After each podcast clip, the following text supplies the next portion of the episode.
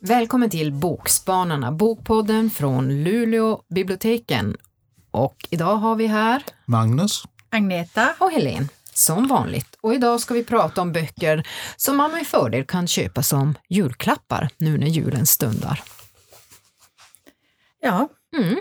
Jag fick min eh, systerson när han var liten en gång så, så sa han till mig eh, Snälla faster, inga böcker. Men eftersom jag är född anarkist så lydde jag honom inte utan han fick faktiskt en bok. Men det var en spelbok om Minecraft. Okej. Så han var jättenöjd.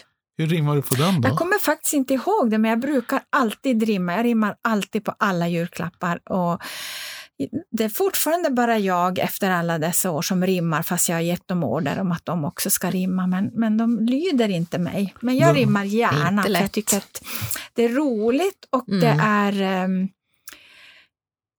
det, julklappsutdelningen tar lite längre tid och det tycker Mm. jag är positivt, för annars är det bara så är det klart. Mm. Mm. Mm. Det är ju inte lätt att rimma. Alltså man kan ju börja med sådana handböcker. Mm. Och det är faktiskt en genre i sig själv. Den äldsta eh, rimboken vi har på biblioteket den är faktiskt från 1850. Wow, Men den finns bara i e-boksformat. okej. Och när man bläddrar i den så inser man att de gav bort lite andra saker Mm. Ja. än vi ger bort idag. Inga liksom sådana där iPhones-laddare där. Sockar och vantar och... Artificiella blommor, garnityr, Mhm. fönsterkuddar. Men det måste ha varit bland de rika då? Jo, antagligen. Alltså, det var ju bara medelklassen som Ja.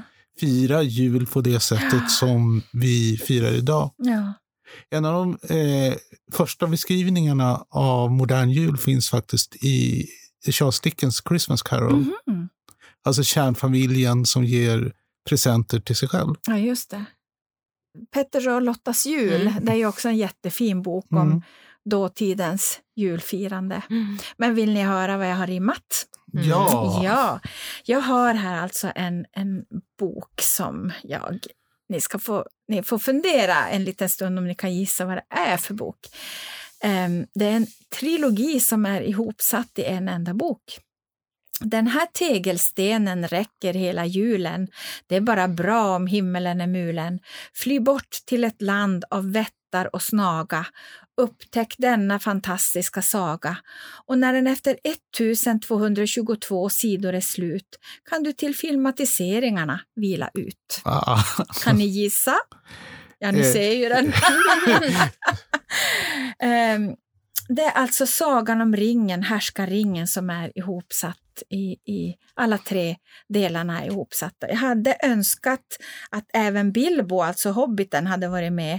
Eh, för den har jag också med mig eh, i serieform av Charles Dickson och David Wenzel. Den har getts ut i nyutgåva och här, här hittar man ju liksom förhistorien till Sagan om ringen så att den kan man med fördel läsa antingen efter eller, eller före. Men jag tycker att, att man ska inte glömma att läsa Bilbo Hobbiten, men den finns ju också som, som film. Och jag måste erkänna att jag hade försökt börja på Sagan om ringen flera gånger, men inte riktigt klarat av den. Så jag såg filmerna och efter det läste jag boken. Böckerna. Jag läste faktiskt bara första. Men den här är i alla fall, och den är tung, den väger säkert ja, två, tre kilo, jag ljuger inte. Den är helt fantastisk, eller hur? Ser ni? Mm. ni ser ju. Mm. Si- Men sidorna är nästan tunna som i Bibeln. Men det är lite, ganska bra radavstånd så att den är inte särskilt jobbig att läsa så tillvida. Och man kan med fördel ha den på magen när man, om man ligger och läser för då behöver man inte hålla upp eller ha en kudde på magen när man ligger och läser för då behöver man inte hålla upp den. Mm. Mm. Men det är alltså Sagan om ringen, hela trilogin eh, av J.R.R. John Ronald Reuel Tolkien. Mhm. Och då undrar jag, hur rimmar det på Hobbit? Hobbit. ja, nu valde jag ju att inte rimma på Hobbit, men ehm, det vet fåglarna. Hobbiten, den lille hobbiten. En Nej. liten hobbit som inte heter Bobbit. jag brukar alltid hamna i sådana Nödrim. Nödrim kallas det. ju. Mm. Ja, jag har ju, vi har inte som tradition i min familj att rimma. Ibland händer det väl att någon gör det, men jag har i alla fall åstadkommit ett till den boken jag ska prata om. Och den lyder, lyder så här. Med denna är du illa tvungen att vända blad som kungen. Om ni förstår vad jag hänsyftar till. Och det här är alltså en deckare av nå- någon som har kommit att bli min, en av mina favoritförfattare. En italiensk författarinna som heter Ilaria Tuti. Hennes andra bok i en trilogi som hon skriver och den första hette Blommor över helvetet. Mm. Böckerna utspelar sig i norra Italien. Och i huvudpersonen är en kommissarie som heter Teresa Battaglia. Och denna Teresa hon håller på att försvinna in i Alzheimer och försöker med alla medel att kunna jobba så länge som möjligt och försöka dölja det här. Så hon har ju lappar överallt och hon har en anteckningsbok som hon hela tiden skriver i för att hon ska komma ihåg alla saker som behövs komma ihåg i sina fall. Och den här boken är, handlar om att det dyker upp en tavla där man upptäcker att tavlan är målad av blod från ett människohjärta. Åh, Och den här tavlan är målad för 70 år sedan så att det här är ju som ett cold case. Och konstnären som har målat tavlan, han har inte sagt ett ord på 70 år. Han har helt försvunnit i sin egen värld från det att han hittades nerblodad och med tavlan i sin hand. Och nu ska man alltså försöka få reda på vad, vem blodet tillhörde. Men hur upptäckte man att, att hjärtat var må- eller att det var Mm, målat Det av- gjorde man alltså i nutid när den kom. eh, Det var på ett galleri så man kollar ju äkthet och sånt där och så börjar man inse att oj, det här är ju Oh. målat av något som inte är färg. Mm.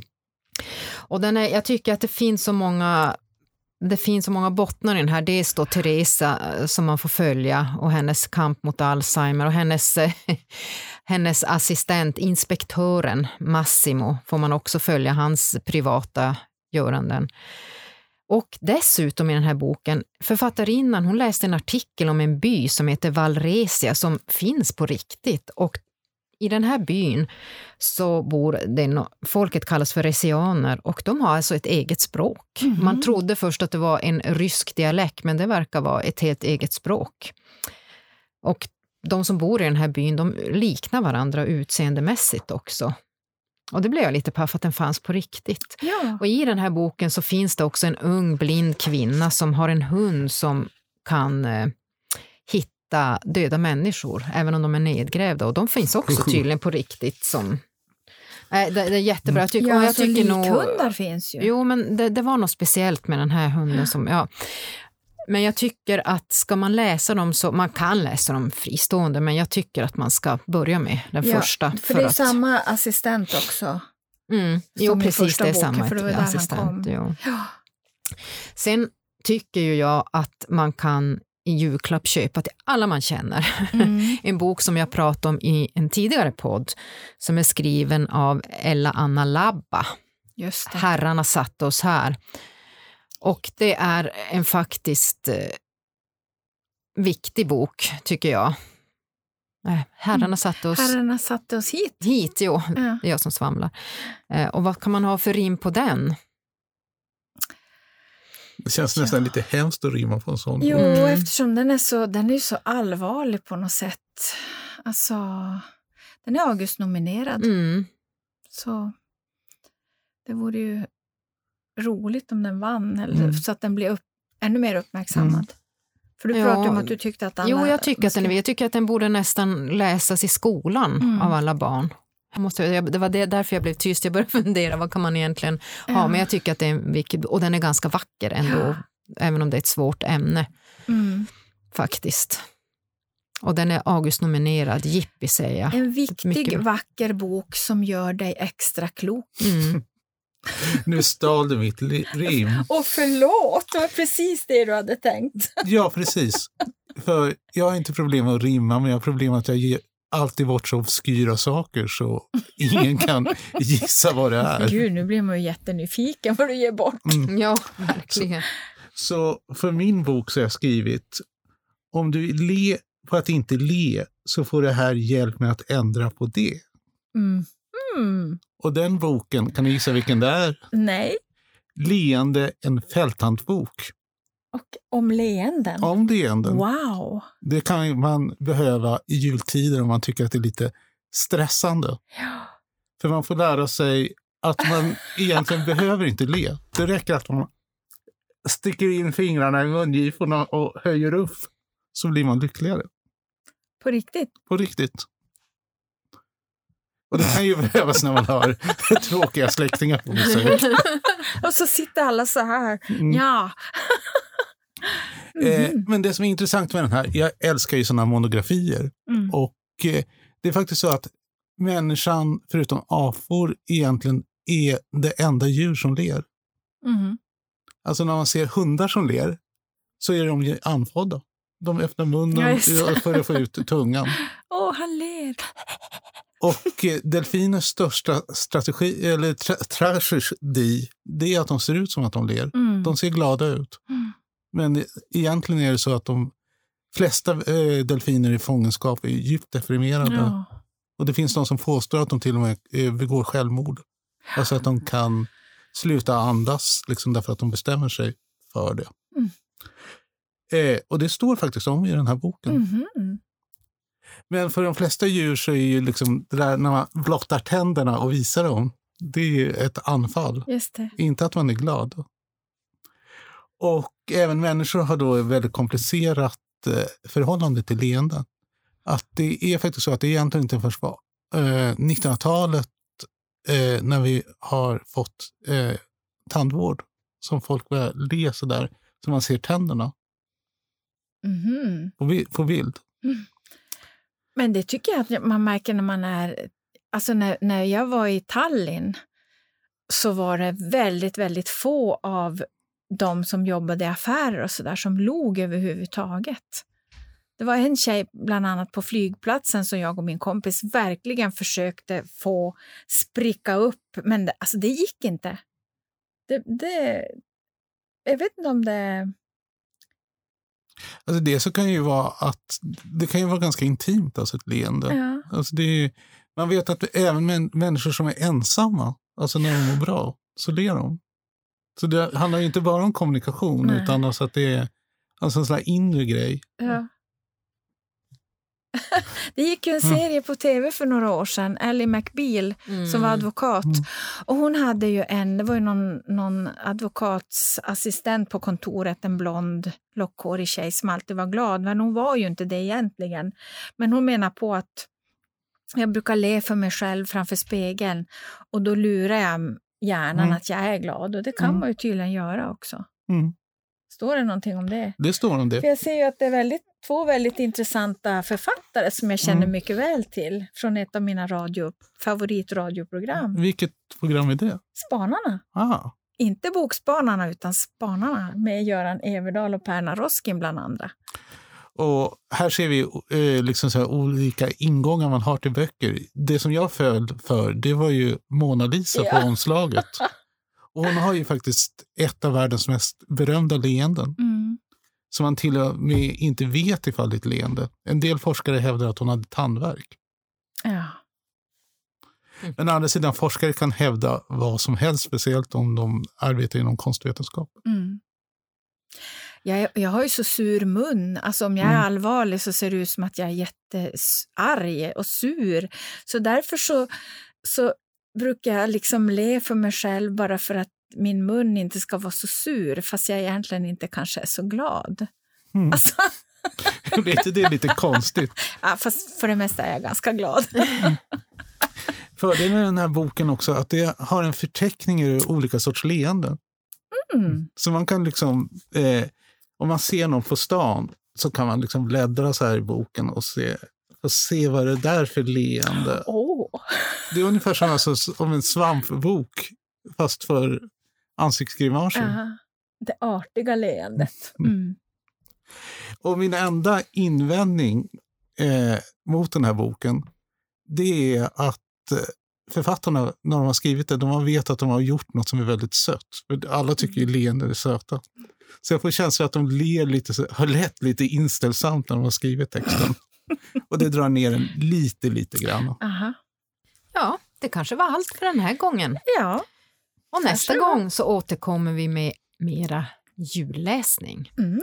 Och till dess så, eller rättare sagt innan dess, så måste vi ju säga vad det är för böcker vi har pratat om idag egentligen. Precis, och jag pratade om både om eh, Bilbo, Hobbiten och om trilogin Sagan om ringen, Härskaringen av J.R.R. Tolkien. Och varför jag nu kan skryta med att säga att han heter John Ronald Reuel Tolkien, det är för att en av mina söner en gång i tiden skrev en eh, skoluppgift om just Tolkien och då tog vi Mhm. reda på vad han hette. Det är sett. Ja. Och jag pratade i första hand om Ilaria Totis Den sovande nymfen, men också första boken i den här trilogin som heter Blommor över helvetet. Och Magnus. Jag pratade om Leende, en fälthandbok av Göran Everdahl. Och det, mina vänner, det var allt för den här gången. Ska du inte rimma något på slutet? Nu stressar du mig, Magnus. Ja, vad ska vi rimma? Hårda Ehm, paket är det bästa jag vet. Ja! Hurra! Bra! I studion får jag gå ut för nu är denna sändning slut. Eller om man nu ska plagera någonting, Falstaff Fakir. Flitigt läsa gör dig klok. Därför läs varenda bok. Mm. Tack för idag.